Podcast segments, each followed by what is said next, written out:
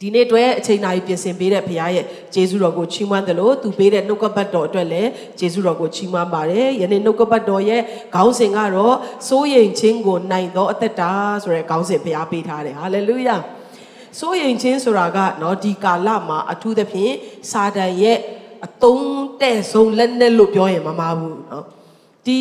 လမှာကျွန်မအထူးသဖြင့်ဒီနှုတ်ကပတ်တော်ဒီခေါင်းစဉ်တွေကိုစင်ချင်နှလုံးသွင်းတဲ့အခါမှာဘလောက်တောင်မှစာတန်ကကျွန်မတို့ကိုစိုးရိမ်ခြင်းအားဖြင့်နှိပ်စက်နေတယ်လဲဆိုတာနော်မြင်ရတဲ့အခါမှာလေတယောက်တည်းနေရင်ထိုင်ရင်တော့ဒေါသထွက်တယ်နော်ဒီစာတန်ကိုကျွန်မတို့ဒီနေ့အပြတ်မောင်းထုတ်มาဖြစ်တယ်ဟာလေလုယာစိုးရိမ်ခြင်းဆိုတာကလေပြောတော့တာလွယ်တာတကယ်စိုးရိမ်တဲ့ခါကျရင်တော့မလွယ်ဘူးเนาะမစိုးရိမ်နဲ့လို့ပြောလေလေစိုးရိမ်လေလေเนาะမကြောက်နဲ့လို့ပြောလေလေကြောက်လေလေဆိုတော့ ဒီအရာကိုနှုတ်ကပတ်တော်အားဖြင့်ဖခင်ရဲ့တုန်တင်ခြင်းဖခင်ရဲ့ဂတိတော်ကိုကင်ဆွဲပြီးတော့ကျွန်တော်တို့ကနိုင်သောတက်တာဖြစ်ဖို့ရန်အတွက်အထူးပဲလိုအပ်ပါတယ်ခရစ်တော်ပြန်ကြွဖို့နီးလာလေးလေးကဘာကြီးကဆုပ်ယုပ်လေးလေးဖြစ်မယ်ဆိုတာကျမ်းစာကကြိုပြီးတော့ပြောထားပြီးသားဖြစ်ပါတယ်ကျမတို့ကဟိုအုံနောက်ကနည်းနည်းသေးတဲ့ခါကျတော့เนาะကျမတို့ကအတိုင်းဝိုင်းကသေးတဲ့ခါကျတော့ အဲတခါတလေမှာကိုဗစ်ကြီးပြီးသွားရင်ဘဝကအရန်ตายရမယ်လို့ထင်တယ်နော်တခါတလေမှာဒီနိုင်ငံရေးတွေအခြေအနေလေးပြန်ကောင်းလာပြီးတည်ငြိမ်လာရင်စီးပွားရေးလေးတွေပြန်ပြီးတော့ဥမော့လာရင်ငါတို့ကတော့အေးဆေးဖြစ်သွားပြီအဲ့လိုထင်တယ်အမှန်တကယ်တော့တကယ်နားလည်ပြီးတကယ်လေ့လာတယ်ဆိုရင်ကဘာကြီးကပျက်စီးခြင်းကိုဥတည်နေတာဖြစ်တယ်တင်တယောက်တည်းလည်းမဟုတ်ဘူးတင်မိသားစုတစုတည်းလည်းမဟုတ်ဘူးကျမတို့တိုင်းနိုင်ငံပဲလည်းမဟုတ်ဘူးเนาะနိုင်ငံတိုင်းနိုင်ငံတိုင်းမှာအင်မတန်မှ ဟိုဘယ်လိုခေါ်မလဲစိုးရိမ်စရာအခြေအနေပျက်စီးစရာအခြေအနေမြောက်များစွာနဲ့ကျမတို့ဥတီပြီးတော့ခြိတက်နေတော့ကဘာကြီးဖြစ်တယ်ဆိုတာလေ့လာကြည့်တဲ့အခါမှာနော်တကယ်နားလည်ရင်တေအခုလိုတောင်ထိုင်နေမှာမဟုတ်ဘူးနော်အင်မတန်မှစိုးရိမ်စရာကောင်းတဲ့အခြေအနေတွေမြောက်များစွာရှိတယ်ကဘာကြီးကတိုးတက်လာလေလေပျက်စီးခြင်းကနီးလေလေဖြစ်တယ်လူတွေတယောက်နဲ့တယောက်မချစ်နိုင်တော့ဘူးတိုင်းနိုင်ငံတွေတစ်ခုနဲ့တစ်ခုခက်ရန်ပြုတ်လာတယ်ရန်ဆောင်လာကြတယ်တဘာဝဘေးရန်တွေပြင်းထန်စွာ ကျမတို့ကြုံတွေ့နေရတဲ့နိုင်ငံအသီးသီးရှိတယ်လူတွေအဆုလိုက်ပြုံလိုက်သေးကြတယ်စိုးရိမ်မယ်ဆိုရင်အရာရာတိုင်းကစိုးရိမ်စရာဖြစ်တယ်သင်စားတော့အစားအစာကလည်းစိုးရိမ်စရာကောင်းတာပဲနော်အထဲမှာဘာတွေပါမှန်းလည်းမသိနော်ဘိုက်ထဲဝင်သွားပြီးတော့နော်အဲဆိုတချို့အရန်ကောင်းတဲ့ဆေးရုံတွေကိုသွားတယ်အရန်စိတ်ချရမယ်လို့ထင်တယ်ပေးလိုက်တဲ့ဆေးတွေမာပြီးတော့နော်မဆိုင်တဲ့ဆေးတွေပေးလိုက်တဲ့ဟာမျိုးလဲကျွန်တော်တို့ကြုံတွေ့ဘူးတယ်ဆိုတော့ ဘယ်အရာမှစိတ်ချလက်ချနေလို့မရတဲ့လောကကြီးထဲမှာစိုးရိမ်တာကတော့မမားဘူးလို့တော့အကြမ်းဖြင့်ကျွန်တော်တို့လူအနေနဲ့သိရတယ်ဒါပေမဲ့အဲ့ဒီစိုးရိမ်ခြင်းကကျွန်တော်တို့ကိုဘာအကျိုးပေးတယ်လဲလို့ပြောရင်ဘာကောင်းကျိုးမှမပေးဘူးနော်ဆိုတော့ကောင်းကျိုးမပေးတဲ့အရာကိုကျွန်တော်တို့မဖက်တွယ်ဖို့လိုတယ်ဟာလေလုယာစိုးရိမ်တာကတော့လူတိုင်းစိုးရိမ်တာပဲနော်ဆိုတော့ဒီတဖြည်းဖြည်းနဲ့နောက်ဆုံးသောကာလနီးလာလေလေစိုးရိမ်ခြင်းကပို့ပြီးတော့ပုံရိပ်ကကြီးလေလေကျွန်တော်တို့တက်တာမှာ ကျွန်မတွေ့ဘူးတဲ့ကလေးလေးတယောက်ကမှိုင်းပြီးတော့မေးလေးထောင်းပြီးတော့အဲဘာဖြစ်တာလဲဆိုတော့စိတ်ညစ်လို့တဲ့နော်ဟာဒီရွယ်လေးကစိတ်ညစ်စရာရှိမလားနော်ဆိုတော့မေးကြည့်တဲ့အခါမှာသူ့မှာလည်းစိတ်ညစ်စရာအပြည့်နော်စိုးရိမ်စရာအပြည့်ဆိုတော့ကျွန်တော်တို့ရဲ့အသက်တာမှာဒီ stress နော်စိတ်ဖိစီးမှုစိုးရိမ်ခြင်းတွေကအယံကိုနေရာယူနေတယ်နော်တင်တိတိဖြစ်စေမတိတိဖြစ်စေတည့်ရဲ့သက်တာမှာတော်တော်လေးနေရာယူနေတယ်ဆိုတော့ထိုအရာကိုကျွန်တော်တို့နိုင်ဖို့အတွက်အထူးလိုအပ်တယ် ဝါမှာမစိုးရင်ကြဘူးလားနော်ဟာဝါငါတော့ဝါတော့မှာပဲပြောရင်းနဲ့စားကြတာပဲနော်စိုးရင်တာတတ်တတ်စားတာတတ်တတ်နော်အချို့တွေကြတော့လေဟာငါရှိတဲ့ငွေကြေးကလက်ကုန်တဲ့အထိလောက်ငါပါမလားနော်ငါအိမ်ငါထားတာဆိုတော့အိမ်ရှင်ကငါကိုမောင်းထုတ်တော့မလားနော်တချို့တွေကြတော့လေမလှမှာဒါဆိုရင်တာနော်မိတ်ကပ်မလိမ့်မဲ့နဲ့တော့အိမ်အောက်တောင်မစင်းရဲဘူးနော်ဘလောက်တောင်မှမလှမှာကြောက်လဲဆိုတော့နော်ခေါ်ရင်တောင်မှနေအောင်ဒီမှာလုံနေတယ်နော် ဒါတွေဒါတွေမလုတ်ထားရင်တိမ်ထဲနေတဲ့ယောက်ျားကိုတောင်ထွက်မတွေ့တဲ့အဖွဲ့တွေလည်းရှိတယ်နော်ဆိုတော့စိုးရင်ချင်းကအမျိုးမျိုးပဲနော်စိုးရင်နာမကိုကျမတို့ကမဖြစ်သေးတဲ့အရာတွေကိုအကျွေးယူပြီးတော့အထူးတလဲစိုးရင်ကြတဲ့အဖွဲ့ဖြစ်တယ်နားမှာရှေ့လို့ပြောပေးပါအောင်ငါတို့တွေအကုန်လုံးအတူတူပဲဖြစ်နေတယ်လို့ပြောပေးပါအောင် ယောဂရမှာစိုးရိမ်နေမအောင်မြင်မှာစိုးရိမ်နေအချစ်မခံရမှာစိုးရိမ်နေလူတွေကိုကိုလက်မခံမှာစိုးရိမ်နေစာမပွဲကြမှာစိုးရိမ်နေအိုးစိုးရိမ်စရာတွေပြောရင်တော့နော်ဒီနေ့နဲ့တော့ပြီးမှာမဟုတ်ဘူးနော်ဆိုတော့အားလုံးလဲစိုးရိမ်ဘူးကြတယ်ဆိုတော့စိုးရိမ်နေကြတယ်ဆိုတော့အထူးတော့မပြောတော့ပါဘူးနော်ဆိုတော့လူတွေလက်မခံမှာတော့တမရှင်တင်ကြရှုံးမှာအမျိုးမျိုးသောအရာတွေစိုးရင်လည်းငါသားသမီးတွေကငါအသက်ကြီးလာရင်ကျွေးမွေးပါမလားနော်မစိုးရင်လည်းတင်မသေးခင်တော့တည့်ရသားသမီးတွေအရှိကသွားနေနိုင်တယ်နော် တားကြီးတွေးပြီးတော့မစိုးရင်ပါနဲ့နော်ငါယောက်ျားငါ့ကိုထားခဲ့ပါမလားတားမစိုးရင်ပါနဲ့နော်ဟာလေလုယာတချို့တွေကငါအိမ်ထောင်မှကြာပါတော့မလားဒီတသက်နော်အရန်ဆိုးရင်နေတာမဆိုးရင်နဲ့နော်တင့်အတွက်တစ်ယောက်လောက်တော့ဘုရားကရှာနိုင်ပါတယ်ဟာလေလုယာခြံထားပြီးသားခြံထားပြီးသားမပူနဲ့နော်တအားဆိုးရင်လို့လဲ၃၄ယောက်ရမှာမဟုတ်ဘူးနော်ဆိုတော့မဆိုးရင်ပဲနေတာပိုကောင်းတယ်ဆိုးရင်ရင်ဒီမှာတဖြည်းဖြည်းနဲ့အတွန့်တွေထွက်လာမယ်နော်ဒီမှာ ဒီဟာတွေကနော်တဖြည်းဖြည်းနဲ့ပုံစံပြောင်းလာမယ်အဲ့ဒါဆိုပိုတောင်မှမရသေးတယ်နော်ဒါကြောင့်မဆိုးရင်ပါနဲ့လာလာပပဘုရားခင်ကတင့်ကိုဖန်ဆင်းထားပြီးသားသူ့ရဲ့အကြံစီထဲမှာဆိုတော့စိုးရိမ်ခြင်းနေရာယူလာတဲ့အခါမှာအဲ့ဒီစိုးရိမ်ခြင်းကဘာကိုဖြစ်စေလဲဆိုတော့စိတ်ဖိစီးမှုကိုဖြစ်စေတယ်တစ်ချိန်လုံးစဉ်းစားပြီးတော့နော်တချို့တွေမနဲ့မိုးမလင်းတော့မှကြောက်တဲ့အဖွဲ့လည်းရှိသေးတာနော်ငါအိတ်လိုက်ရင်မနဲ့ကြိုင်ပြန်ထပါမလားစိုးရိမ်ပြီးမအိတ်နိုင်ဘူးနော်အဲ့လိုဖြစ်လေလေတေဖို့ပိုနီးလေလေပဲနော် အိတ်မပြော်တဲ့အဖွဲ့တွေဒါမစိုးရိမ်ပါနဲ့ဆိုတော့စိုးရိမ်ခြင်းကများလာတဲ့အခါမှာစိတ်ဖိစီးမှုကိုဖြစ်စေတယ်အဲ့ဒီစိတ်ဖိစီးမှုကကျွန်တော်တို့ရဲ့စိတ်ကိုမတက်လာစေတော့ဘဲနဲ့ကြာသွားတဲ့ခါမှာစိတ်တက်ကြတဲ့ယောဂဖြစ်လာတယ်နော်ဆိုတော့ စာတန်ကစိုးရိမ်ခြင်းကလေးကိုကျွန်တော်တို့အထဲမှာထည့်ပေးလိုက်ယုံနဲ့သူကအောင်လန်လွင့်ထူနိုင်သွားတာဖြစ်တယ်။ဒါကြောင့်ကျမ်းစာထဲမှာမစိုးရိမ်နဲ့မစိုးရိမ်နဲ့မစိုးရိမ်နဲ့ဆိုတဲ့စကားကိုဖခင်ကတခါမကအကြိမ်ပေါင်းများစွာပြောခဲ့တာဖြစ်တယ်။ဟာလေလုယာ။ဟာလေလုယာ။နားမှာရှက်လို့ပြောပါဦးမစိုးရိမ်နဲ့ဆိုတာတင့်တွက်ဖြစ်တယ်လို့ပြောပေးပါဦး။ကျမတို့မုံရွာမှာရှိတဲ့နော်ဟိုအတင်းတော်စကားစမှာအဲနုကျင်ဆိုတာတယောက်ရှိတယ်နော် ဆိုတော့သူ့ကိုကျမတို့ကဒေါ်မစိုးရင်လို့နာမည်ပေးထားတယ်အခုထိလည်းသူ့ကိုကျမတို့ကတွေ့တိုင်းဒေါ်မစိုးရင်ပဲခေါ်တယ်ဘာကြောင့်လဲဆိုတော့ तू ဘယ်တော့မှမစိုးရင်ဘူးစပိန်လည်းမစည်းတတ်ဘူးဘာမှစကားလည်းလောက်ကြီးကျွမ်းကျွမ်းကျင်ကျင်မရှိဘူးဟိုပိုက်ဆံလည်းပေါ်ပေါ်များများမရှိဘူးလိုင်းကားတွေဘာကြီးလည်းငါမစည်းနိုင်ဘူးနော်ဆိုတော့ तू ကဖះเจ้าအများနဲ့လာတယ်ကျမတို့ကစိတ်ပူတယ်အာနုကျင်တော့မစိုးရင်တော့အစပိုင်းတော့နုကျင်ပေါ့ဖះเจ้าလာတဲ့ခါမိုးချုပ်တဲ့အခါမျိုးတွေမှာမလာပါနဲ့လားနော် တယောက်တည်းလည်းဖြစ်နေတယ်အဲလိုင်းကားလည်းငါမစီးနိုင်ဘူးသူများလို့စပိန်နဲ့လည်းမစီးတတ်ဘူးစပိန်လည်းမရှိဘူးဆိုတော့တခါတလေမလာပဲနေပါလားလို့ကျွန်တော်တို့ကသူ့ကိုတားယူရတယ်နော်တေးဦးဆရာမိသားစုကတောင်အားနာလို့သူ့ကိုတားယူရတယ် तू ကကိစ္စမရှိဘူးကျွန်မမစိုးရိမ်ဘူးဖះတာဝန်ယူလိုက်မယ် तू ပြောတဲ့အတိုင်းပဲအာတခါတည်းလိုင်းကားတွေကသူ့ကိုတနာလို့အလကားခေါ်တင်သွားလိုက်နော်ဆိုင်ကယ်နဲ့သွားတဲ့လူတွေကအန်တီအကြုံလိုက်မလားဟာတင်ခေါ်သွားလိုက်တခါမှသူ့မှာဒုက္ခရောက်တယ်ဆိုတာမရှိဘူး ဆိုတော့ तू ကတစ်ချိန်လုံးမစိုးရိမ်တဲ့အတွက်ကျွန်မတို့ကဒေါ်မစိုးရိမ်လို့ခေါ်တယ်တကယ်လဲဘုရားကသူ့ကိုတာဝန်ယူတယ်ဟာလေလုယာကျမ်းစာကဘာပြောလဲတင်စိုးရိမ်နေလို့တဲ့တည့်ရဲ့အသက်ကိုတဒေါင်ခန့်မြတိုးစေနိုင်သလားတဲ့နော်တနည်းအားဖြင့်စကားပြေနဲ့ပြောမယ်ဆိုရင်စိုးရိမ်ခြင်းကတင့်ကိုဘာမှကောင်းကျိုးမပေးဘူးဆိုတာယနေ့နားလည်ဖို့လိုတယ်ဒါကြောင့်မစိုးရိမ်ဖို့ဆုံးဖြတ်ရအောင်ဟာလေလုယာဟာလေလုယာ ငါမစိုးရိမ်တော့ဘူးလို့ဒီတိုင်းကြီးဗလိုင်းကြီးဆုံးဖြတ်ဖို့ကတော့လူတိုင်းအတွက်မလွယ်ကူဘူး။ဘာကြောင့်လဲအခြေအနေရှိတယ်။ခံစားချက်ရှိတယ်။မြင်နေရတယ်။ကြားနေရတယ်။သို့တော်လည်းထိုအရာရဲ့အထက်မှာတင်မစိုးရိမ်ရလောက်အောင်တာဝန်ယူသောဖခင်ရှိတယ်ဆိုတာကိုယနေ့နှုတ်ကပတ်တော်အဖြစ်နားလည်ဖို့အထူးသဖြင့်လိုအပ်ပါတယ်။ဟာလေလုယာ။ကဘာပေါ်မှာကိုကိုကိုတတ်တည်တဲ့ case တွေကိုလေ့လာကြည့်တဲ့အခါမှာအများဆုံးသောအကြောင်းရင်းကစိတ်ဓာတ်ကြခြင်းကြောင့်ဖြစ်တယ်။ စိတ်ပြက်ခြင်းကြောင့် pressure ကြောင့်ဖြစ်တယ်တဲ့တချို့သောအောင်မြင်ကြော်ကြားတဲ့လူတွေတစ်ချက်ကလေးမှားသွားတဲ့ချိန်မှာလူတွေကဝိုင်းပြီးတော့ပြောကြတယ်ဟာငါ့ကိုလက်မခံကြတော့ဘူးဆိုရင်ငါဘယ်လိုလောက်ကင်စားတော့မလဲတခါတည်းသူတို့ကိုသူတို့တတ်သေးသွားကြတယ်နော်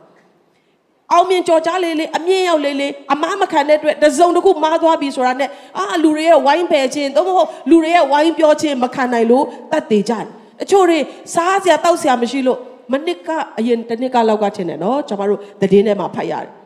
သူကိုယ်တိုင်ကယောဂတဲ့ဖြစ်နေတယ်သူ့ရဲ့ကလေးနှစ်ယောက်ကိုသူဘာမှလုပ်ပေးလို့မရတော့ဘူးသူ့ရဲ့ယောဂကလည်းကုစရာပတ်စံမရှိတဲ့ပြင်ကလေးနှစ်ယောက်ကိုလည်းသူကနော်ဘာမှပညာရေးလူမှုရေးဆက်လက်ပြီးတော့ထောက်ပံ့နိုင်တာမရှိတဲ့အတွက်ကလေးနှစ်ယောက်ကိုခေါ်ပြီးတော့တရားပေါ်ကနေခုံချပြီးတတ်တည်တယ်ဖခင်ရဲ့သတင်းကိုကျွန်တော်တို့ဖတ်ပူတယ်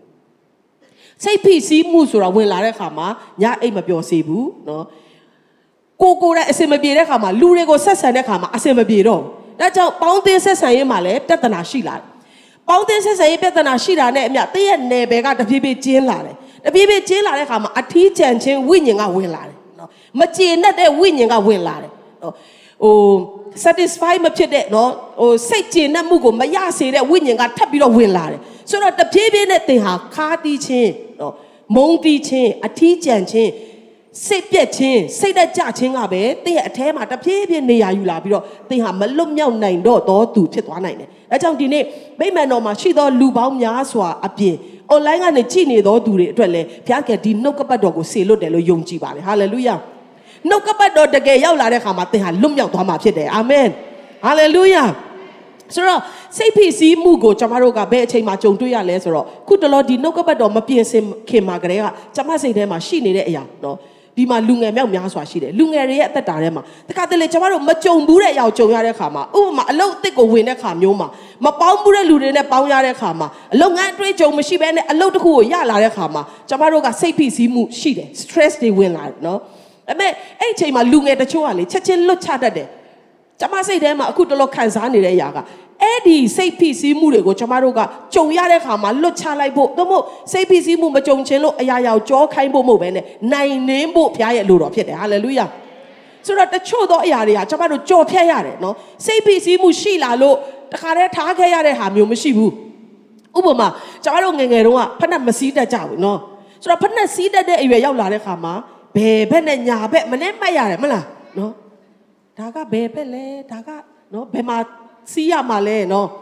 တော်တော်ဒုက္ခရောက်တယ်အရန်ကိုနော်စိတ်ဖိစီးမှုဖြစ်တယ်အခုပြန်စဉ်းစားရင်ဒါရည်ကျင်စရာကောင်းတယ်ဆိုတော့ဘယ်နဲ့ညာနဲ့ကြိုးချီတာနဲ့ရှုပ်တယ်ကွာငါဖက်မစည်းတော့ဘူးဆိုတစ်သက်လုံးဖက်မစည်းတဲ့လူရှိလား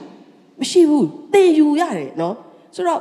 လူငယ်တွေကြုံလို့ပေါ့နော်ဒီနှုတ်ကပတ်တော်ပြင်ဆင်ရင်းနဲ့ကြုံလို့ကျွန်မခွန်အားပေးခြင်းတယ်တည့်ရသက်တာထဲမှာအသစ်တွေကိုကြုံတွေ့ရတဲ့အချိန်တိုင်းမှာ စိတ်ဖိစီးမှုရှိနိုင်တယ် stress တွေဖြစ်နိုင်တယ်ချက်ချင်းမလွတ်ချပါနဲ့တချို့ကဆူတောင်းခံကြတယ်ဆရာမရေကျွန်မအလုပ်ထဲဝင်တာအဆင်မပြေဘူးတလားပြည့်နေအခုတော့အလုပ်ထွက်ချင်တယ်နော်တချို့တွေကြတော့လေဟာကျွန်တော်ကနော်ဒီလိုဒီလိုနေရာတက်မှာအဆင်မပြေလို့ကျမခွန်အားပေးခြင်းနဲ့တခြားနေရာသွားရင်လည်းအလားတူစိတ်ဖိစီးမှုတွေရှိနိုင်တယ်ဒါကြောင့်ဖခင်ထဲမှာခွန်အားယူပြီးတော့စိတ်ဖိစီးမှုရှိလာတိုင်းမှာချက်ချင်းမလွတ်ချပါနဲ့ရှောင်မပြေးပါနဲ့ကိုယ့်ကိုယ်ကိုဆွဲဆန့်ပါဟာလေလုယာ တချို့သောအရာတွေကတင့်ရဲ့အထဲမှာရှိမှကိုရမယ့်အရာမျိုးတွေကြတော့ဖြတ်လျှောက်ရတာဖြစ်တယ်ဒါကြောင့်လူငယ်တွေနော်လုပ်ငန်းအသစ်ဝင်တဲ့ခါမှာသို့မဟုတ်တစုံတစ်ခုသောအခြေအနေနော်ဥပမာကျွန်တော်တို့ခန္ဓာကိုယ်တွေဆိုပြောင်းလဲတယ်ပြောင်းလဲခါစားမှာ stress တွေဖြစ်တယ်နော်ဆိုတော့ဒီနေရာကမိဘနဲ့သားသမီးတင်တယ်တော့မဟုတ်ပေမဲ့ခုတလောစဉ်းစားမိတဲ့အရာတချို့ပေါ့တချို့သောမိဘတွေကလေသူတို့သားသမီးတွေဒီ၈နှစ်၉နှစ်10နှစ်အရွယ်အလိုက်ပြောင်းလဲလာတဲ့ခါမှာ စဉ်းစားကြည့်နော်မရှိသေးတဲ့အရာတွေကရှိလာတယ်နော်အရင်တော့ကဟို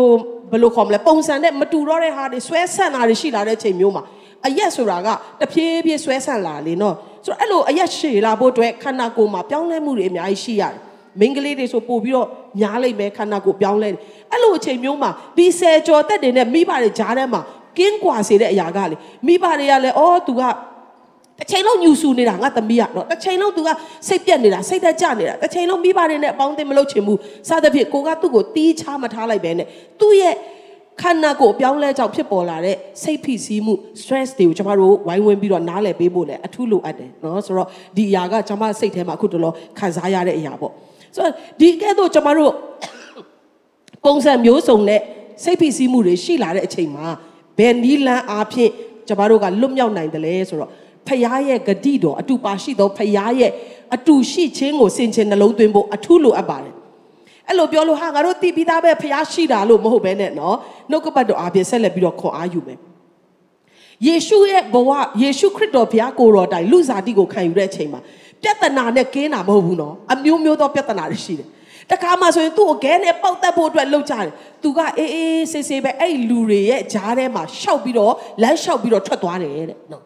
တခါမှအင်မတန်ပြင်းထန်တဲ့မုန်တိုင်းကတိုက်လာတဲ့အချိန်မှာတပည့်တော်တွေကရောက်ရက်ခတ်နေတယ်ယေရှုကအိတ်နေတယ်ကိုတော့မြန်မြန်ထပါကျွန်တော်တို့ကိုတေဖို့အတွက်ဒီတိုင်းလွတ်ထားတာလားလို့ပြောတဲ့အခါမှာယေရှုကငြိမ်ဝှက်စွာပဲမတ်တက်ရက်ပြီးတော့လိုင်းနဲ့လေကိုဆုံးမတဲ့အခါမှာငြိမ်သွားတယ်ဒီနေ့ပြဿနာရှိလို့ပူပန်တာပါအခြေအနေမကောင်းလို့စိုးရိမ်တာပါလို့လူတိုင်းကပြောကြတော့လဲအခြေအနေမကောင်းတဲ့ကြားထဲမှာညင်ဝတ်တော်ဘုရားကကျွန်တော်တို့ကိုးကွယ်တော်ဘုရားဖြစ်တယ်ဟာလေလုယာဟာလေလုယာ အခြေအနေဆိုးရတဲ့အချိန်မှာသူ့ရဲ့အသက်တာထဲမှာရှိတဲ့ဘုရားရဲ့လုတ်ပိုင်ခွင့်ဘုရားရဲ့အခွင့်အာဏာကိုနားလည်ပြီးမတ်တရက်တဲ့တီကြီးစွာမတ်တရက်တဲ့ဘုရားကကျွန်တော်တို့ကိုးကွယ်တော်ဘုရားဖြစ်တယ်အနားမှာရှိလို့ပြောပါအောင်ငါတို့ကိုးကွယ်တော်ဘုရားကရောက်ရက်မခတ်ပါဘူးလို့ပြောပေးပါအောင်ဟာလေလုယာတချို့တွေတအားပြတာနော်ဘာမှတော့မဖြစ်သေးဘူးကို့မှာတခါတည်းရှင်းမကင်မိလက်မကင်မိနော်ဆိုတော့ဒါမျိုးတွေနှုတ်ကပတ်တော်ကိုများများဆင်ခြင်ဖို့လိုတယ် ဖိလိပ္ပိခန်းကြီး၄ကိုကြည့်အောင်ဒီလအတွက်ကျွန်တော်တို့ဖျားပေးထားတဲ့ကျမ်းပိုက်လည်းဖြစ်ပါတယ်ခန်းငယ်၄ကိုအရင်ဆုံးဖတ်ပါမယ်နော်သခင်ဖျား၌အစင်မပြတ်အားလုံးကြဲကြဲလေးဖတ်ရအောင်သခင်ဖျား၌ဘသူ၌လဲဘသူ၌လဲဘသူ၌လဲဟာလေလုယာ သခင်ဖျား၌အစင်မပြတ်ဝမ်းမြောက်ကြပါတဲ့နော်ကျမတို့ကိုယ့်ရဲ့အခြေအနေကိုကြည့်ပြီးဝမ်းမြောက်မယ်ဆိုရင်တော့မဝမ်းမြောက်နိုင်ဘူးလူတယောက်ရဲ့အခြေအနေကိုကြည့်ပြီးဝမ်းမြောက်မယ်ဆိုရင်မဝမ်းမြောက်နိုင်ဘူးသို့တော်လေသခင်ဖျား၌ဆိုရင်တော့သခင်ဖျားအထဲမှာယက်တည်တယ်ဆိုရင်တော့သင်ကဝမ်းမြောက်နိုင်မှာဖြစ်တယ်ဟာလေလုယာတပံငါဆိုဒီကဝမ်းမြောက်ကြလောဟာလေလုယာနောက်တစ်ဖက်နှုတ်ကပတ်တော်ကပြန်လာတယ်ဘာလို့ရမလဲ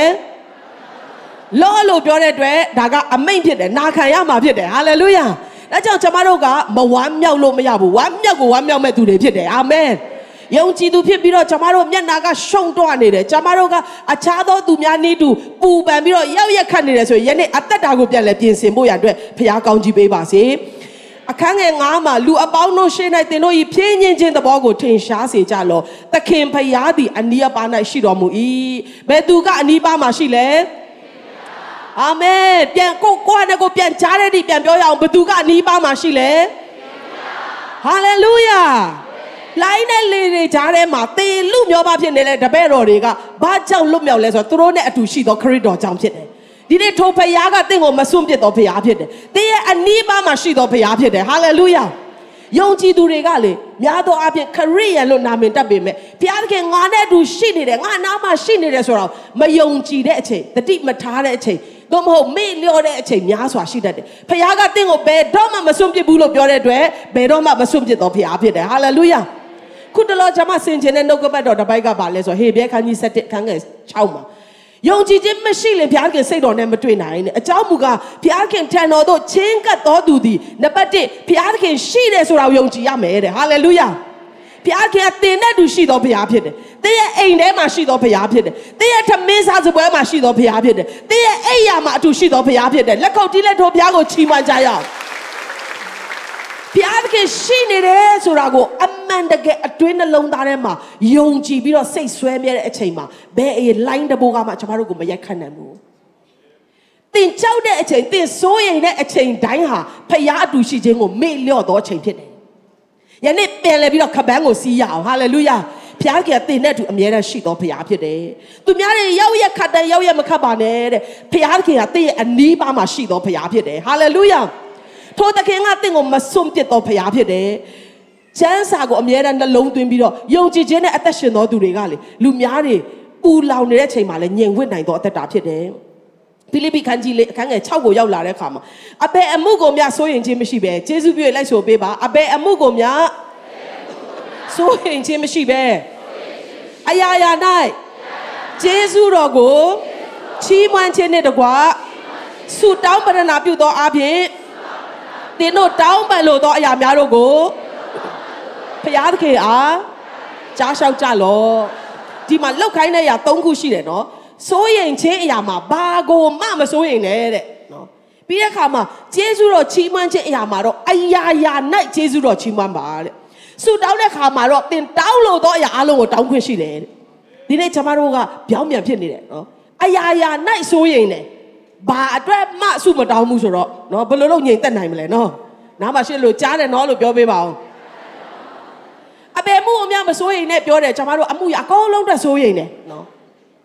အရာရာ၌ဂျေစုတော်ချီးမွမ်းပါပြောတယ်ကျွန်တော်တို့ကဘာအတွက်မှမချီးမွမ်းနိုင်ဘူးနော်တောင်းပန်လို့ရရတယ်ဘုရားသခင်ကတောင်းပါလို့ပြောတယ်ကျွန်တော်တို့ကဆုကြတော့မတောင်းဘူးနော်ဒီနေ့အခုတလောဒီနှုတ်ကပတ်တော်ပြင်ဆင်နေကျွန်မကိုကိုကိုမေးတယ်ငါအယမ်းစိတ်ပူတဲ့အရာအတွက်ငါဘယ်နှခါဆုတောင်းတယ်လဲနော်စိတ်ပူခြင်းကိုတော့စိုးရင်ခြင်းကိုတော့ကျွန်တော်တို့အကျွေးနဲ့ယူတယ်အရာရာအတွက်စိုးရင်တယ်နော်မီလာတာမလာတာလဲစိုးရင်တယ်မိုးရွာတာမရွာတာလဲစိုးရင်တယ်နော်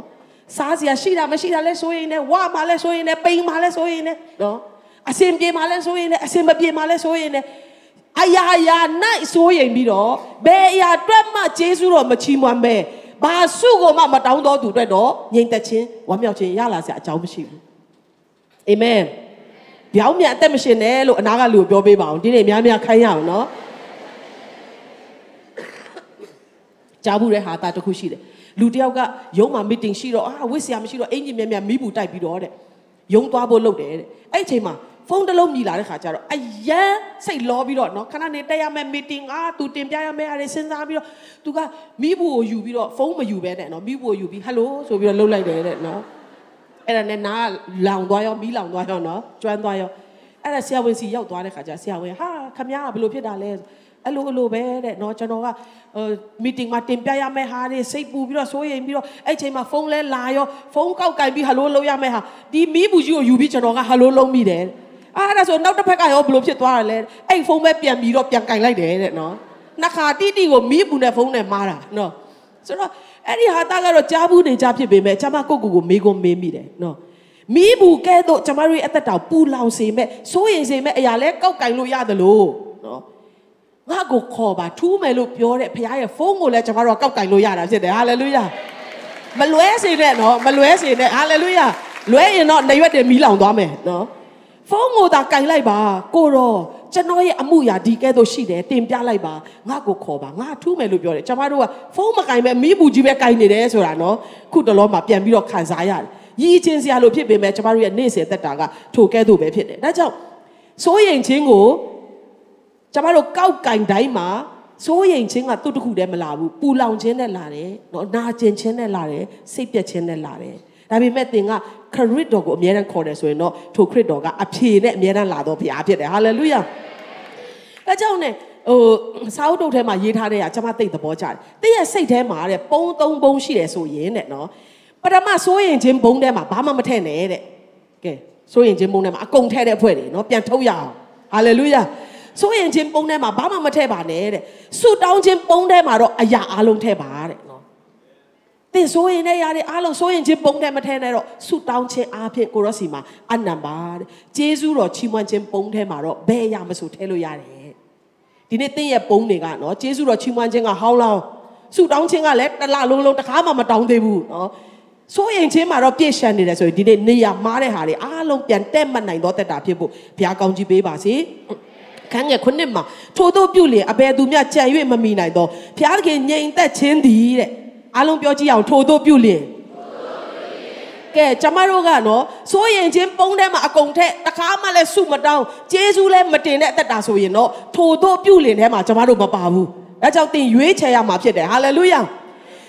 တင်းရဲ့စိုးရင်ချင်းအားလုံးကိုကိုရိုနာအနံပြီးတော့အရာရာ၌ဂျေဇုတော်ချီးမွမ်းသောအသက်တာလိုအပ်သောအရာတိုင်းအတွက်ဆုတောင်းသောအသက်တာရှိတယ်ဆိုရင်တော့တဲ့အဘယ်သူမျှကြံ၍မမိနိုင်တော့ဘုရားသခင်ငြိမ်သက်ခြင်းသည်ယေရှုခရစ်အပြင်တို့ရဲ့စိတ်နှလုံးကိုစောင့်မလိုက်မယ်တဲ့ဟာလေလုယာ ဘုရားကဂတိတည်သောဘုရားဖြစ်ပါတယ်။သင်ဘက်ကနေပြီးတော့ထိုတို့ပြုလင်ဆိုတဲ့အထဲမှာပါဝင်ဖို့ရန်အတွက်ပဲလိုအပ်တာဖြစ်ပါတယ်။ဒါကြောင့်လူတွေကြံစီလို့တောင်မှမမိနိုင်တဲ့ဘုရားကငြိမ်သက်ခြင်းသင်ရဲ့နှလုံးသားထဲမှာစောင့်မဖို့အတွက်ဆိုရင်တော့အရာရာ၌ခြေဆုတော်ချီးမွမ်းပါ။တောင်းပန်လို့တော့အရာအားလုံးကိုဆုတောင်းခြင်းနဲ့ဘုရားခင်စီကိုယူဆောင်သွားပါ။ဘယ်အမှုအတွက်မှမစိုးရိမ်နဲ့။ဘာကြောင့်လဲဆိုရင်သင်ကိုတာဝန်ယူသောဘုရားရှိတယ်။ ကျမ်းစာထဲမှာကျွန်မကြည့်တဲ့အခါမှာအာဗြဟံရဲ့အသက်တာသူ့သားကိုပူဇော်ဖို့အတွက်အနည်းနည်းလားလားဆောင်းခဲ့ရတဲ့နောက်လဲဘယ်တော့ပြန်ရမယ်နောက်ထပ်သားဘယ်တော့ပြန်မွေးမယ်ဆိုတာအာမခံချက်မရှိတော့တဲ့အချိန်တွေမှာသူ့သားကိုရစ်ပူဇော်ဖို့ရအတွက်ဖျားစကားနားထောင်ပြီးသူခြိတက်လာတယ်နှစ်ရက်ခရီးသွားရတဲ့အချိန်မှာသူ့ရဲ့သားကသူ့ကိုမေးလာပြီရစ်ပူဇော်ရဲဆိုတာဘာလဲဆိုတာကောင်းကောင်းနားလည်တဲ့အာဗြဟံဖြစ်တယ် ရစ်ပူဇော်လိုက်ပြီဆိုတာနဲ့သူ့သားဒီအသက်ရှင်စရာအကြောင်းမရှိတော့ဘူးအကောင်ထဲနဲ့မြင်စရာအကြောင်းမရှိတော့ဘူးအကုန်လုံးကုန်သွားတော့မယ်ဆိုတာကောင်းကောင်းနားလည်တယ်အဲ့ချိန်မှာသူ့ရဲ့သားကမေးတယ်အဖေခါတိုင်းလိုပဲဒီတစ်ခေါက်မှာထင်းလဲပါတယ်မီးလဲပါတယ်ရစ်ကောင်မပါပါလားကျမသာဆိုရင်လေဖះပေါ့နော်အရန်ရက်ဆက်တာအဲ့ဖះကနော်ငါကိုငါရဲ့အခြေအနေကိုနားမလဲပေးနိုင်တဲ့ဖះနော်နင့်ကိုရစ်ပူဇော်ဖို့ဖះခိုင်းတာဘယ်လောက်ရက်ဆက်တယ်လဲစဉ်းစားကြည့်စမ်းနော် အမတ်တမဲ့နော်ကျွန်တော်တို့အသက်တာမှာသားသမီးတွေကိုဘယ်လိုတုံတင်လဲဆိုတာအရင်ရေးကြည့်ရနော်အာဗြဟံကဘာပြောလဲဖယားသခင်ပြင်ဆင်ပါလိမ့်မယ်ဟာလေလုယာဟာလေလုယာပြာရမခတ်ဘူးမစိုးရိမ်ဘူးအပြစ်မတင်ဘူးမကဲ့ရဲ့ဘူးဖယားကိုမစော်ကားဘူး तू နားမလည်နိုင်တဲ့အခြေအနေတခုမှာ तू ဘာပြောလဲဖယားသခင်ပြင်ဆင်ပါလိမ့်မယ် तू ဝင်ခံတဲ့ຢာကဘလောက်တောင်ပြည့်စုံတယ်လဲ သူ့ရဲ့သားကိုတတ်မလို့ဖျားစကားနားထောင်သွားပြီးဓာတ်ကိုမြောက်လိုက်တဲ့ချိန်မှာလူလင်ကိုမထိနဲ့ကြီးလိုက်တဲ့ချိန်မှာမလန်းမကမ်းမှာရစ်ကောင်အတွက်ဘုရားကအစင်သစ်ပြင်ဆင်တော်ဘုရားဖြစ်တယ်။အဲကြောင့်တင်းရဲ့အခြေအနေကိုကြည့်ရင်တော့ဝင်ခံရမယ့်အရာကတခြားဟာဖြစ်ရင်ဖြစ်လိမ့်မယ်။ဒါပေမဲ့ယုံကြည်ခြင်းနဲ့အသက်ရှင်တော်သူအတွက်တော့နောက်ဆုံးသောအခြေအနေမှာပင်လေကြက်တဲသောအခြေအနေမှာပင်လေယုံကြည်ခြင်းစကားကိုပြောနိုင်တာဖြစ်တယ်။ဟာလေလုယာ။ စိတ်ပြက်စရာမကောင်းလို့စိတ်မပြက်တာမဟုတ်ဘူးစိတ်ပြက်စရာအင်မတန်ကောင်းတယ်ဒါပေမဲ့ဖះကိုကြည့်တဲ့အခါမှာ तू စိတ်မပြက်ဘူးစိုးရင်စရာအယံကောင်းတယ်ဒါပေမဲ့ဖယားကိုသူမျောကြည့်တဲ့အခါမှာငါဖယားကအချိန်မီပြင်ဆင်တော့ဖယားဖြစ်တယ်ငါဖယားကသူပေးတဲ့သားကိုပြန်တောင်းပြီးတည်သွားရင်တော့မှပြန်ရှင်ဆင်နိုင်တယ်ဆိုတာကောင်းကောင်းနားလည်တော့အာဗြဟံကဘာပြောလဲဖယားပြင်ဆင်ပါလိမ့်မယ်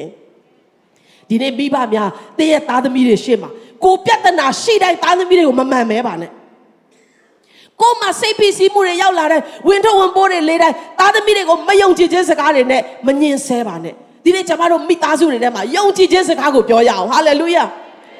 ဆာအိုရဲမှာဆာမရှိတော့ဘူးလာကုံတဲ့ဒီစားဖို့ပတ်စံမရှိတော့ဘူးမကြီးတွားပါနဲ့နေဖေပေါ့ပတ်စံရအောင်မရှာနိုင်တာနေအမေပေါ့၆၆သုံးတာမပြောဘဲနဲ့ငါတို့ဖယားကိုရှာရအောင်ဖယားကငါတို့ကိုကြွေးမွေးပါလိမ့်မယ်ဟာလေလုယာဟာလေလုယာ ငါတို့ဖခင်ကတစ္ဆာရှိသောဖခင်ပါဒါတို့သမီးတို့လာဆုတောင်းရအောင်ဖခင်ကိုအားကိုးရအောင်ကျမတို့မိသားစုအသက်တာမှာမြောက်များစွာသောလိုအပ်ချက်တွေနဲ့ခြိတက်ရတဲ့တခြားမှာအဖေနဲ့အမေကတခါမှညှဉ်းညူသောစကားကိုမပြောဆုတောင်းရအောင်ဘုရားခင်တတ်နိုင်တယ်ကျမတို့မိသားစုလက်တွဲပြီးတော့ဆုတောင်းခဲ့တယ်အမှုငယ်ကနေအမှုကြီးတဲ့အထိဘုရားခင်အကုန်လုံးကိုဖြည့်ရှင်းပေးတော်ဘုရားဖြစ်တယ် ဟာလေလုယာစိုးရင်ခြင်းနဲ့ယုံကြည်ခြင်းအတူနေလို့မရတဲ့အတွက်စိုးရင်ခြင်းဝင်လာတဲ့ခါတိုင်းမှာစိုးရင်ခြင်းနဲ့ဟာဧည့်သည်ဖြစ်တယ်ငါတို့မိသားစုထဲမှာနေစရာချောင်းမရှိဘူးငါဘုရားကပြောတယ်မစိုးရင်နဲ့မစိုးရင်နဲ့မစိုးရင်နဲ့လို့ပြောတော့ဘုရားဖြစ်တယ်ဟာလေလုယာချက်ချင်းတည့်ရဲ့နှလုံးသားထဲမှာစိုးရင်ခြင်းကိုနေရာမပေးပဲယုံကြည်ခြင်းကိုနေရာပေးကြည့်ပါသင်ယုံကြည်တော့ဘုရားကအလုံးလုံးလာမှာဖြစ်တယ်ဟာလေလုယာပင်လဲနေအရှိမစောင့်နေတယ်အနောက်မှာစစ်သားတွေလိုက်လာပြီ ကျန်းစာကိုတေချာပတ်ကြည့်တဲ့အခါမှာယထာ600တဲ့နော်မကြောက်လို့မရဘူးရွေးထားတဲ့အင်မတန်မှအရေးချင်းပြည့်မိတဲ့ယထာ600နဲ့တော့ကွာမြင်းစည်းသူရဲတွေကအီဂျစ်ကနေလိုက်လာကြပြီအရှိမပင်လဲနေအာဣသေလလူမျိုးတွေကအခက်ခဲမျိုးမျိုးကြားရတဲ့ကဲနှုတ်တဲ့ဖရားဒီတခါလဲကဲနှုတ်ပါလို့ဆူတောင်းရမယ့်အစားမောရှေကိုပြစ်တင်ကြတယ်စိုးရင်ချင်းကတော့ကောင်းတော့ရတစ်ခုကိုမှအဖော်မခေါ်လာဘူးဆိုတာယနေ့နားလည်ဖို့လိုတယ် စိုးရိမ်လာတဲ့ခါမှာအပြစ်တင်လာတယ်နော်ဆက်ဆံရေးတွေပြက်ပြားလာတယ်မယုံကြည်ခြင်းစကားတွေထွက်လာတယ်မောရှေအဲကိုတူတိုင်းပြီးမှတင်းချိုင်းမရှိလို့ငါတို့ကိုတောထဲမှာတေးဖို့ခေါ်လာတာလားဖခင်ကမောရှေအဖင်ပါပြောလဲမစိုးရိမ်နဲ့ဒီတို့ဒီနေ့နင်တို့တွေ့ရတဲ့ယန်သူတွေနောက်တစ်ခါပြန်တွေ့ရတော့မှာမဟုတ်ဘူးဖခင်ကစစ်တိုက်ပေးပါလိမ့်မယ်ဟာလေလုယာ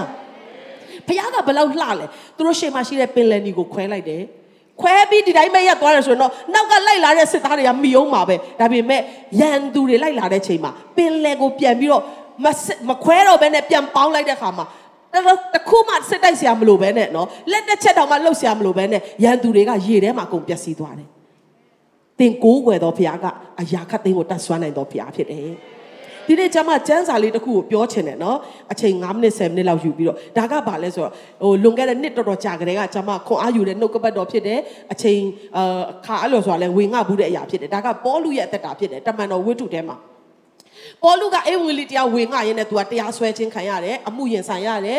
ဒါနဲ့ तू ကအဂရိပမင်းစီမှာသွားပြီးတော့ဟိုအယူခံဝင်ရတယ်ဗောကျွန်တော်ကဒီလိုဒီလိုဖြစ်တယ်ကျွန်တော်ကဖာရီရှဲဖြစ်တယ်အဲသူ့ရဲ့အသက်တာနဲ့သူ့ရဲ့လှုပ်ဆောင်မှုတွေကိုပြောပြတဲ့အခါမှာအဂရိပမင်းကြီးကသူ့ကိုအယံသဘောကျသွားတယ် ဒါမင်းပြောတာနဲ့ငါတော့ခရိယန်ဖြစ်ခံနီးပြီကွာခွန်အားရလိုက်တာပေါ့နော်ဒါပေမဲ့သူဒီအဂရိပမင်းမှာပြီးမှာမဟုတ်ပဲနဲ့ကဲတာဘယင်စီမှာသွားပြီးတော့အယူခံရအောင်မှာဖြစ်တဲ့အခါမှာပေါလုနဲ့တကွာအကျဉ်းသားများကိုသင်ပေါ်စီးပြီးတော့သူတို့ကလွတ်လိုက်တယ်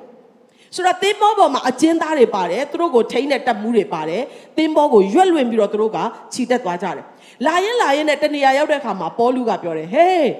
ဒါကတော့သင်္ဘောသူတို့ရွက်ရွက်လေတွေလွတ်ရတာဆိုတော့လေနော်လေတိုက်ချင်းမတိုက်ချင်းတွေယာတီဝတ္ထုတွေနဲ့အခြေအနေတွေကအရန်ကိုဟိုထိန်းချုပ်တာဆိုတော့ငါတို့ကဆက်ပြီးတော့ခရီးမသွားသင့်တဲ့ကာလတော့ရောက်လာပြီတနေရာမှာခဏတေချာနားပြီးမှယာတီဝတ္ထုအစီအမေမှဆက်သွားရင်မကောင်းဘူးလားဆိုတော့တမူကလုံးဝနားမထောင်ဘူးနော်သူရဲ့တင်မောသားတွေကပတိန်တွေကိုမေးတော့အာရတယ်သွားလို့ရတယ်ဆိုတော့သူတို့ကဆက်ပြီးတော့ခြိတက်လာတယ်ဆိုတော့လာရင်လာရင်နဲ့ ပေါလုပြောတဲ့အတိုင်းပဲကရေတေကျွန်းနာကိုရောက်လာတဲ့ခါမှာလေပြင်းမုန်တိုင်းတိုက်ခိုက်ပြီးတော့သူတို့ကရွက်လေဖြစ်တဲ့အတွက်လေတိုက်ပြီးဆိုတာနဲ့လေတိုက်တဲ့နေရာကိုသူတို့ကလွင့်သွားကြတော့တာလွင့်သွားပြီးတော့ဟိုရောက်ဒီရောက်ရောက်ပြီးတော့သူတို့လည်းတင်မောပြတ်မှာဆိုလို့ရွက်တွေအကုန်ပြန်ချအာတခါလည်းရေတွေခတ်ထုတ်အမျိုးမျိုးစူးစားကြတယ်သွားရင်သွားရင်နဲ့လိုက်ရလဲလေတွေကလည်းမငြိမ်နိုင်တဲ့အခါမှာနောက်ဆုံးကြတော့ဘာလုပ်ကြလဲဆိုအစားအသောက်တွေအကုန်လုံးပြစ်ချကားဖို့ဒီတင်မောပေါ်မှာပါတဲ့ဟိုအထုပ်ပိုး40တဲ့ဟာတွေအကုန်လုံးပြစ်ချ နော်မပြက်စီးဖို့အတွက်သူတို့အမျိုးမျိုးစ조사ကြတယ်ဒါပေမဲ့မရဘူးမငြိမ်ဘူးဆိုတော့သူတို့ကရွက်လွင့်ရင်းနဲ့နော်မုံတိုင်းတိုက်တဲ့ဘက်မှာသွားရင်းနဲ့ဘယ်ကန်းကိုမှမမြင်ရတော့ဘဲနဲ့သူတို့ကခြိတက်ကြတယ်ဘောလူကတော့ပြောထားပြီးသားငါတို့ဒီတိုင်းဆက်သွားနေရင်မသွားပဲနေရအောင်တင်းဘောလဲပြက်မယ်ငါတို့လည်းဒုက္ခရောက်မယ်ဖရားရဲ့လူကနော်ပြောပေမဲ့သူတို့ကခြိတက်ကြတဲ့ခါမှာဒုက္ခရောက်တယ်ကျမသိတဲ့သဘောကြတာကနောက်ဆုံး3ရက်မြောက်လာတဲ့ခါမှာသူတို့လည်းမတတ်နိုင်တော့ အပေါ်မှာပါတဲ့ဝင်းထုံးပိုးတွေပြစ်ချရုံမကတော့တင်းဘောပေါ်မှာပါတဲ့တိတ်အတုံးမလိုတဲ့လေးစေတဲ့ຢာတွေအကုန်လုံးလဲခွာချရေတဲ့ကိုပြစ်ချနော်တင်းဘောပေါ့အောင်ငြိမ်အောင်အမျိုးမျိုးလုပ်တယ်ဘလို့မှအဆင်မပြေဘူးနောက်ဆုံးမှာသူတို့ကအယမ်းကြောက်တဲ့ခါကျတော့ငါတို့သေတော့မယ်ငါတို့သေတော့မယ်ဆိုပြီးတော့ဖြစ်နေတဲ့အချိန်မှာတမန်တော်ဝိတုခန်းကြီး20ခွန်အခန်းကြီး28ကိုကျွန်တော်တို့ကြည်တာဖြစ်တယ်ဘာမှလည်းမစားနိုင်ဘူးเนาะသူတို့ကဒီအသက်ကယ်ဖို့အတွက်ပဲရုန်းကန်နေရတဲ့ချိန်မှာပေါလုကဘာပြောလဲဆိုတော့ အစာကိုမစားဘဲကြာမြင့်စွာနေကြပြီးမှပေါလုသည်ထိုသူတို့အလယ်၌ထား၍အချင်းလူတို့ငါစကားကိုနားထောင်၍ကရေတေကျိုးမှမလွင့်မဲနေလျင်ဤပျက်စီးဆုံးရှုံးခြင်းနဲ့ကင်းလွတ်ရကြ၏ယခုတွင်စိတ်သက်သာခြင်းရှိကြလောကျမတို့ကပူပန်သောသူတွေကိုငြိမ်သက်ခြင်းပေးနိုင်သောသူဖြစ်ဖို့ဘုရားလိုတော်ရှိတယ်ဟာလေလုယာလောကကြီးကရောက်ရက်ခတ်နေတယ်လောကကြီးကအသက်လူနေရတယ်လောကကြီးကစိတ်ပျက်စရာအခြေအနေအမျိုးမျိုးဝန်းရံလက်ရှိတယ်ကျမတို့ကမျောပါသွားတာเนาะအဲ့ထဲမှာအဲ့လိုမျိုးမဟုတ်ဘဲနဲ့ရှင်ပေါလုကဗာပြောလဲ ငါပြောတဲ့စကားသာမင်းတို့နားထောင်ခဲ့တယ်ဆိုတော့ဒီလိုမဖြစ်ဘူးဒါပေမဲ့ကိစ္စမရှိဘူးအစာမစားပဲမနေကြနဲ့စိတ်သက်သာခြင်းရှိကြလောအားလုံးပြောရအောင်စိတ်သက်သာခြင်းရှိကြလောတင်ဟာတင့်မိသားစုကိုတင့်အဝင်းဝိုင်းကိုပို့ပြီးစိတ်ပူစေတဲ့လူလားစိတ်သက်သာစေတဲ့လူလားဆိုတာတော့စဉ်းစားရအောင်ဟာလေလုယာ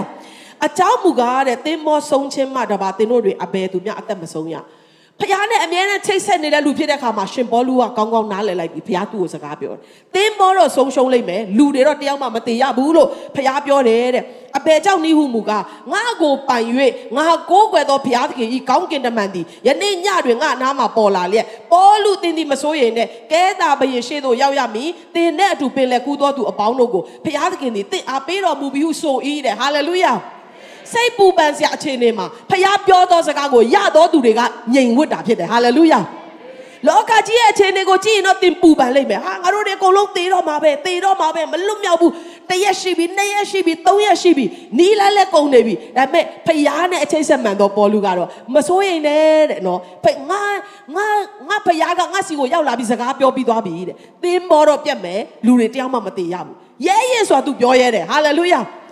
တင်းရဲ့စိုးရင်စရာကောင်းတဲ့တင်းဝင်းကျင်တစ်ခုလုံးစိုးရင်နေတဲ့အချိန်မှာတင်းပြောသောစကားကဘာလဲဆိုတာယနေ့ပြန်စဉ်းစားရအောင်ယုံကြည်ခြင်းဘာသာစကားဖခင်ရဲ့နှုတ်တော်တဲ့စကားကိုဝန်ခံနိုင်သောသူဖြစ်ဖို့ဘုရားကောင်းချီးပေးပါစေလက်ခုပ်တီးလက်ထိုးဘုရားကိုချီးမွမ်းရအောင်အယံရည်ကြီးတယ်နော်ဘုရားကဘာပြောလဲတင်းရဲ့လက်ရဘက်မှာလူတစ်ထောင်လက်ဝဲဘက်မှာလူတစ်ထောင်လဲတော်လဲတင်းကိုမထိခိုက်ရဘူးတဲ့တင်းဒီကိုမျက်စိနဲ့မြင်ုံမျှတာရှိပဲကျမတို့ကပဝင်းကျန်လူတွေတောင်မပျက်စီးသေးဘူးကိုကအရင်ဆုံးပျက်စီးဖို့အစဉ်သင်းဖြစ်နေတာပြောင်းလဲရအောင်ဟာလေလုယာ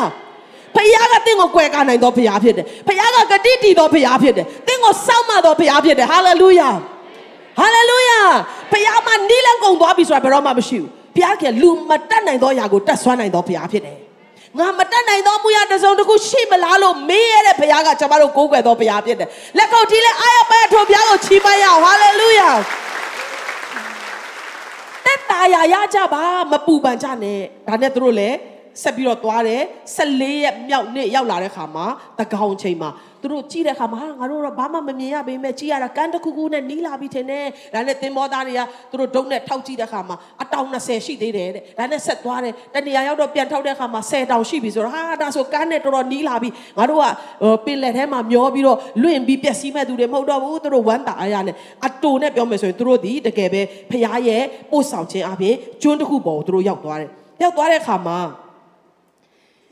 မိုးလင်းလူတော့ကအစာကိုစားစေခြင်းကပေါလူသည်လူအပေါင်းတို့ကိုတိုက်တွန်းလျက်ကဲစားကြတော့ဆိုပြီးစားကြပြီးတော့စိတ်သက်သာရာရပြီးတော့တကယ်ပဲသင်္ဘောတစ်ခုလုံးသင်္ဘောပေါ်မှာပါတဲ့လူတွေအားလုံးကဖျားကျေးဇူးတော်ကြောင့်ကျွန်းပေါ်ကိုရောက်သွားတယ်အရေအတွက်အပြည့်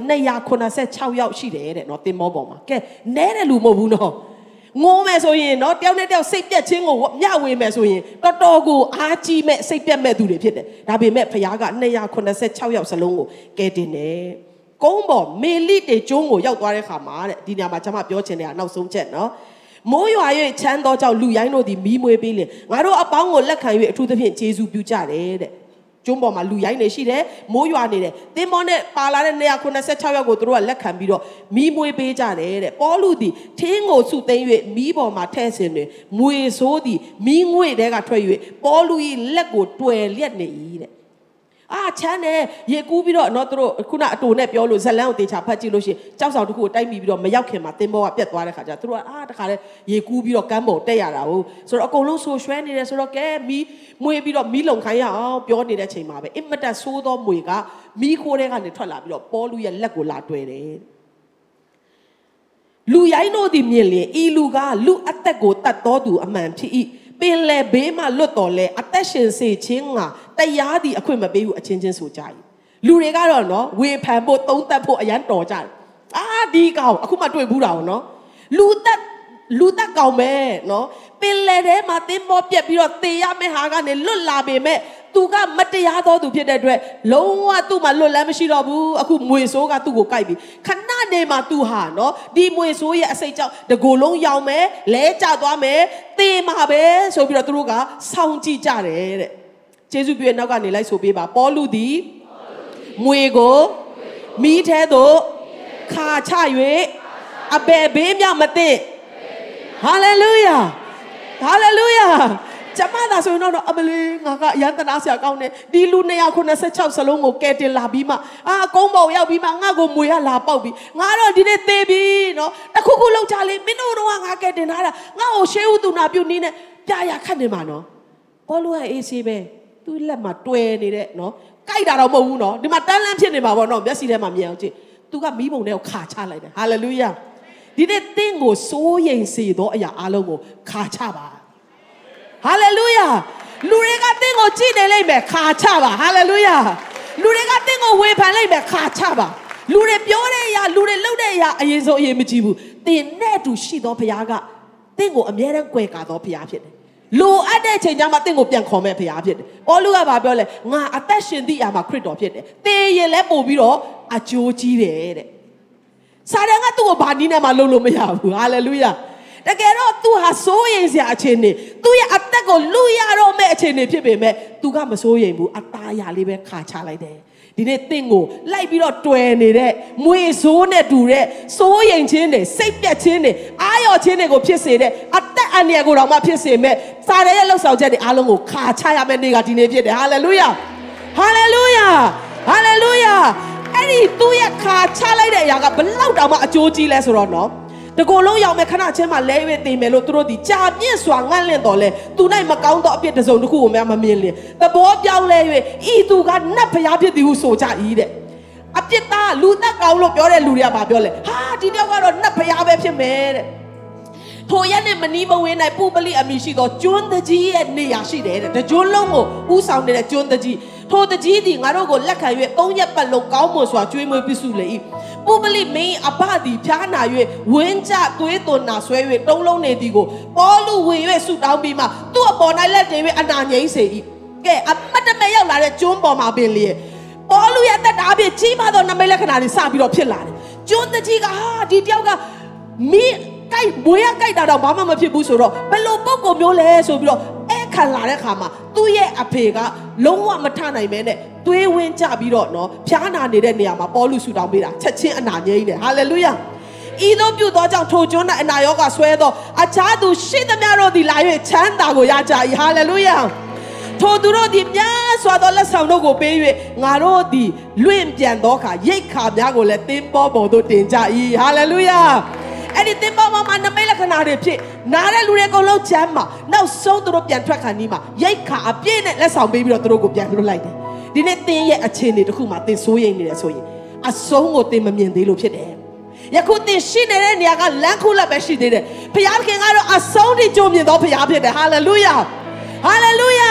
မွေကလာပေါက်တဲ့ချိန်မှာသူသေဖို့အတွက်မဟုတ်ဘဲနဲ့သူ့ရဲ့အထက်မှာရှိတဲ့ဘုရားရဲ့တကူတော်ကိုတကြိုးလုံးမြင်ဖို့အတွက်ဘုရားခင်လှုပ်တော်မူရာဖြစ်တယ် ယခုလောလောဆယ်တင်ဒီပြဿနာထဲမှာဖျက်လျှောက်တော်သူဖြစ်ကောင်းဖြစ်နိုင်တယ်။ဒါပေမဲ့တင်ကိုးကွယ်တော်ဘုရားသည်ပြဿနာကြားထဲမှာတင်ကိုလဲကျသွားမစစ်သွားဖို့ခွင့်မပြုတော်ဘုရားဖြစ်တယ်ဆိုတာကိုတင်ပတ်ဝန်းကျင်ကမြင်ဖို့အတွက်ဖြစ်တယ်။ဟာလေလုယာ။ဟာလေလုယာ။အခက်ခဲမရှိမှကျမတို့ကငြိမ်သက်ဖို့မဟုတ်ဘဲနဲ့အခက်ခဲကြားထဲမှာငြိမ်သက်ဖို့ဘုရားခင်လိုတော်ရှိတယ်။အစင်ပြေမှဝမ်းမြောက်ဖို့မဟုတ်ပဲနဲ့ကျမတို့ရဲ့ဝမ်းမြောက်ခြင်းပုံးကအများနဲ့ပြည့်ရှံနေဖို့ဘုရားခင်လိုတော်ရှိတယ် ယေရှုချီးမွမ်းခြင်းပုံးကအများနဲ့ပြည့်ရှံနေဖို့ဘုရားခင်လိုတော်ရှိတယ်စိုးရင်ချင်းပုံးကတော့ဟောင်းလောက်ဖြစ်နေရမယ်။ဘာကြောင့်လဲ။ကျမစိုးရင်တဲ့အရာတွေအားလုံးကိုဖျားနိုင်အနံ့ထားတဲ့အတွက်ကိုတော်ကတာဝန်ယူတော်ဖျားဖြစ်တယ်။တင်းအနာဂတ်ကိုဘုရားခင်တာဝန်ယူနေတယ်။တင်းရဲ့သားသမီးတွေကိုဘုရားခင်ကကြည့်ရှုနေတာဖြစ်တယ်။တင်းရဲ့လုပ်ငန်းတွေကဘုရားခင်လက်တော်ထဲမှာရှိနေတာဖြစ်တယ်။တင်းရဲ့ကျမ်းမာခြင်းကဘုရားခင်လက်တော်ထဲမှာရှိတာဖြစ်တယ်။ ကျမတို့ကိုယ်ွယ်သောဘုရားကဂျဟောဗာဘုရားဖြစ်တယ်။ဂျဟောဗာကြီးရဲ့ထောက်ပံ့သောဘုရားဖြစ်တယ်။ဂျဟောဗာနစီကျမ်းမာခြင်းရဲ့ရှင်ဖြစ်တယ်။ဂျဟောဗာရှလောမ်ပြည့်တဲ့ခြင်းရဲ့ရှင်ဖြစ်တယ်။ဟာလေလုယာ။ဟာလေလုယာ။ငါကိုယ်ွယ်သောဘုရားငါနဲ့တူရှိတယ်ဆိုတာသင်နားလည်တယ်ဆိုရင်သင်ရဲ့ပြဿနာတွေကိုမိဘုံထဲမှာခါချဖို့ကဒီနေ့ပဲဖြစ်တယ်။ဟာလေလုယာ။ဟာလေလုယာ။အ ရာခတ်တိုင်းထဲမှာစိုးစံသောဘုရားကသင်ရဲ့ဘုရားဖြစ်တယ်။သင်ရဲ့အနီးပါးမှာရှိသောဘုရားဖြစ်တယ်။ဒါကြောင့်အရာအရာအတွက်စိုးရင်သောတက်တာကနေဘယ်အရာအတွက်မှမစိုးရင်သောတက်တာဖြစ်လို့ပြောင်းလဲရအောင်။နှုတ်ကပတ်တော်အပြည့်အရောက်စီတိုင်းပေါ်မှာဘုရားခင်ကောင်းချီးပေးပါစေ။